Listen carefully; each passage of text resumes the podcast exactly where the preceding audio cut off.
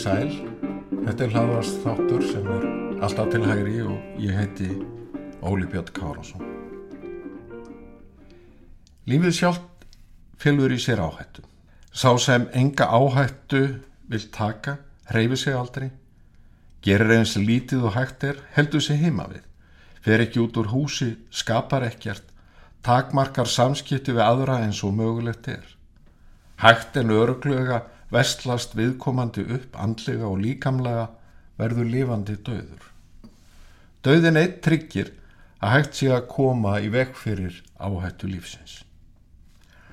Í sama á við um samfélag og einstaklinga.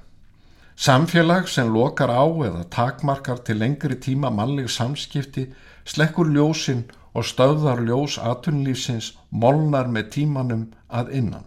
Hættir að vera samfélag frjálsra borgara. Í nöðsynleiri baróttu við skæða veiru erum við flest ef ekki öll fús að færa fórnir. Reyðubúin til að sætt okkur við skert aðtarnafrelsu og skert lífsgæði í ákveðin en takmarkaðan tíma. Við viljum sína árverkni en ætlum okkur ekki að fórna samskiptum við vinnu og fjölskyldu eða glata möguleikanum að eignast nýja vinni. Okkur er nöðsin að eiga aðganga krytti lífsins, listum og menningu, lifandi tónlist, leikúsi, myndlist, upplestri, augrandi skalda. Við viljum koma saman á vellinu til að hvetja okkar karla og konur áfram í hörðum leik, stiðja við bakið á börnum okkar á vel skipulögðum íþróttamótum. Við viljum hitta vini á góðum veitingastað, fagna með þeim og indislegum brúðkaupstegi, halda gladan dag á amalistegi, gleðjast á fjölskylduháttíðum og að leiðalokum kveðja og þakka fyrir dýrmæta samfylg. Við lítum á það sem heilagan rétt að ferðast, fá að sjá nýja staði, kynast mannlífi í öðrum landslutum, í öðrum löndum og öðrum heimsálfum. Við eigum stjórnarskrár varin rétt til að koma saman og stunda viðskipti í krafti aðtapnafrelsis en það frjálsir borgarar. Þessi réttindi kom ekki að sjálfu sér, ekki fremur en mál og prentfrelsi eða rétturinn til að gangaða kjörborði og velja án þvingana fulltrúa á löggjafarsamkomu og í sveitastjórnir. Hæsta almannavarnastígi, neyðarstígi, var líst yfir 7. marsíðasliðin vegna koronaveiru faraldurs. Aðdragandir var nokkur en undir lók janúar var ljóst að heimurinn stæði frammi fyrir alvarlegri heilbriði svá. Fyrsta smiti hér á landi grendist 28. februar og að tillugu sótvarnalæknis ákvað heilbriðisráður að 13. mars að virkja heimildir sótvarnalaga til að takmarka samkomur í fjóra vikur frá miðnætti 15. mars. Þar með voru viðburðir þar sem fleirin 100 manns komu saman bannaðir. Samhliða var skólahald takmarkað. Fjórundögu síðar voru öll lönd skilgrend sem áhættusveiði.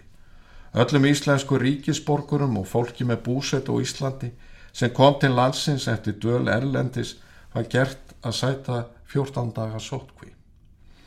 Frá því í februar höfðu þeir sem komið til landsins frá ákveðnum áhættusvæðum svo sem norður Ítalæju þurft að fara í 14 daga sótkví. 22. mars var talið nöðsilegt að ganga enn lengra. Tveggja metra reglan var innleitt, ekki var leift að fleiri en 20 manns kemur saman hvort heldur er í ofinberum rýmum eða engarýmum. Takmarkanir voru settar á fjölda viðskiptavinna í vestlunum og svo framvegis. Sundlögum, líkasræktastöðum, skemmtistöðum, spilasölum, spilakossum og söpnum var lokað. Í sama var gert varðandi starfsem og þjónustu sem krefst mikill að nálaðar millir fólks, meðal annars allt íþróttastarf. Allar hálgaristustofur, snirtistofur, nuttstofur og önnur samparileg starfsemi. Í baráttunni gegn veirunni voru það sótvarnarsjónamið sem réðu ferðinni. Efnahagslegir þættir og mikilvæg borgarlegu réttindi voru sett í annað og þriðja sæti. Óhatt er að fullir það að um þetta hafi verið ágjart sátt, jafn meðal stjórnmálamanna og almennings. Það var pólitísk ákvörðun undir fórustur ríkistjórnarinnar sem lágað baki því að fylgja skildi ströngum reglum sótvarna til að verja heilbriði landsmanna. Ábyrðin kvílir ekki á herðum sótvarnalæknis, landlæknis eða almannavarna. Ábyrðin er ríkistjórnarinnar og að minnstakosti þeirra þingmana sem standa að baki henni. Aðgerðnar skiluðu árangri, hægt en öruglega voru stíin skref í að losa um hemlur, lífi var að færast í eðlilegar skorður og þau hjól sem höfðu stöðast voru farin að snúast aftur. En svo kom baksla, stjórnvöld höldu aftur nöðsilegt að ganga á réttindi borgarinna um miðjan ágúst og þó ég orðið sér ferðarferðsi til og frá landinu er það í raun verulega skert og kannski ekkert. Þó aftur hafi verið slakað á eru fjöldatakmarkanir enni gildi, samfélagslegt samneiti er takmarkað og atunufrelsi skert. Ákvörðun um takmörkun á atanlafrelsi er pólitík en byggð á ráðleggingum sótvarnar yfirvalda. En hún hefur afleiðingar, sumar hverjar ófyrirsíðar, ekki síst efnahagslega. Svo viðspyrna sem flestir vonuðust eftir næst ekki á næstu mánuðum og hún verður að líkjendum ekki jafn kröftu og reikna var með. Efnaðarsleg gæði glatast og fjöldi einstaklinga mun því miður missa aðtununa. Fjárasleg staða ríkisjóðs vestnar og bólmagn ríkisins til að veita nöðsilega þjónustu veikist. Þið sama og við um sveitafélug. Möguleikar fyrirtækja til að standa undir góðum launum, fjölga starfsmönnum, ráðast inn í verkefni, verða takmarkaðir og í mörgun tilfellum engir. Sum fyrirtæki munu sigla í strand. Þetta er sá efnægslegi fórnakostnaður sem er færður í baratu við veruna. Félagslegur fórnakostnaður samfara auknu atvinnleysi og þar með verri almennri líðhelsu verður seint metin. Íslands samfélag hefur aldrei þólað félagslegan og efnahagslegan kostnað sem fylgir atvinnleysi. Öll höfum við orðið fyrir skakkaföllum, beint eða óbeint, vegna þeirra efnahagslegra þrenginga sem gengið hafa yfir heiminn vegna faraldursins. En byrðarnar eru mist þungar, þingstar hjá aturrekundum og launafólki á almennu vinnumarkaði, ekki síst í ferðarþjónustu. Hilbriðar fórsendu fyrir rekstri margra fyrirtækja hafa brostið. Launafólk hefur orðið fyrir tekjumessi og margir án atunu. Sveitafjölu glíma við erfileika, sum alvarlega. Ríkisjóður hefur þurft að mæta samdrætti, útgjöld aukist og tekjur lækað. Ríkisjóður safnar skuldum í stað þess að greiða líkt og gert hefur verið á síðustu árum. Regnað er með því að halli á ríkisjóði, þar að segja aðhluta, verðum 10% af verkari landsframleyslu á þessu ári og 8% á því næsta. Samtalsverða gjöld ríkisins umframtekjur að öðru óbreyttu því um 18% af landsframleyslu eða rúmlega 500 miljardar á tveimur árum. Þetta er lítilega lærri fjárhæð en nefnur raun hækkun útgjald að hins ofinbera á síðustu 20 árum. Á stuttum þingstuppi, svo kalluðum, samþykti alþingi breytingatillugur Bjarnabindissonar fjármála og efnaðasar á þeirra á fjármálastefnu enda mátti öllum vera ljóst að forsendur óbreytrar fjármálastefnu væru brosnar og því nöðsynlegt að breyta henni í samræmi við nýjan veruleika. Á grunni fjármálastefnunar verða fjárlög fyrir komandi árlögð fram á nýju þingi í oktober næstkomandi. Í greinagerð segir að markmiðið sé á komandi árum að veita hagkerfunu stuðning til þess að það geti náð vopnum sínum að nýju, styðja við þau heimilu og fyrirtæki sem verða fyrir alvarlegum búsefjum vegna áhrifa heimsfaraldursins og koma í vekk fyrir að mikið atunleysi festist í sessi. Stefnan í ríkis fjármálum leggist hannig á sömu sveif og peningastefnan. Þessum stuðningi verður viðhaldið þar til atunustígi verður hækkað markvert. Aðgerðum ríkisjós er ætlað að styðja við vakstargetu hagkerfisins meðal annars með stór aukinni fjárfestingu. Leitast verður við að venda þann árangu sem náðst hefur í velferðar og helbriðismálum. Eftir sem áður þarf að tryggja að hagkerfið geti staðið undir framúsgarandi þjónustu. Að þessu leiti er stefnaríki stjórnarinnar skýr og afdráttalus og það er aðgerðið sem stjórnvöld hafa gripið til og undanförnum mánuðum til að milda áhrif alvægleg samdrás hafa í flestu verið skinsamar og skilað árangri. Markvisar aðgerðið Sæðlabankans hafa skipt fyrirtæki og heimili miklu. Leiðam og röka því að ríkisfjármál og peningamál hafi unnið betur saman á síðustu mánuðum en nokkuru sinni áður.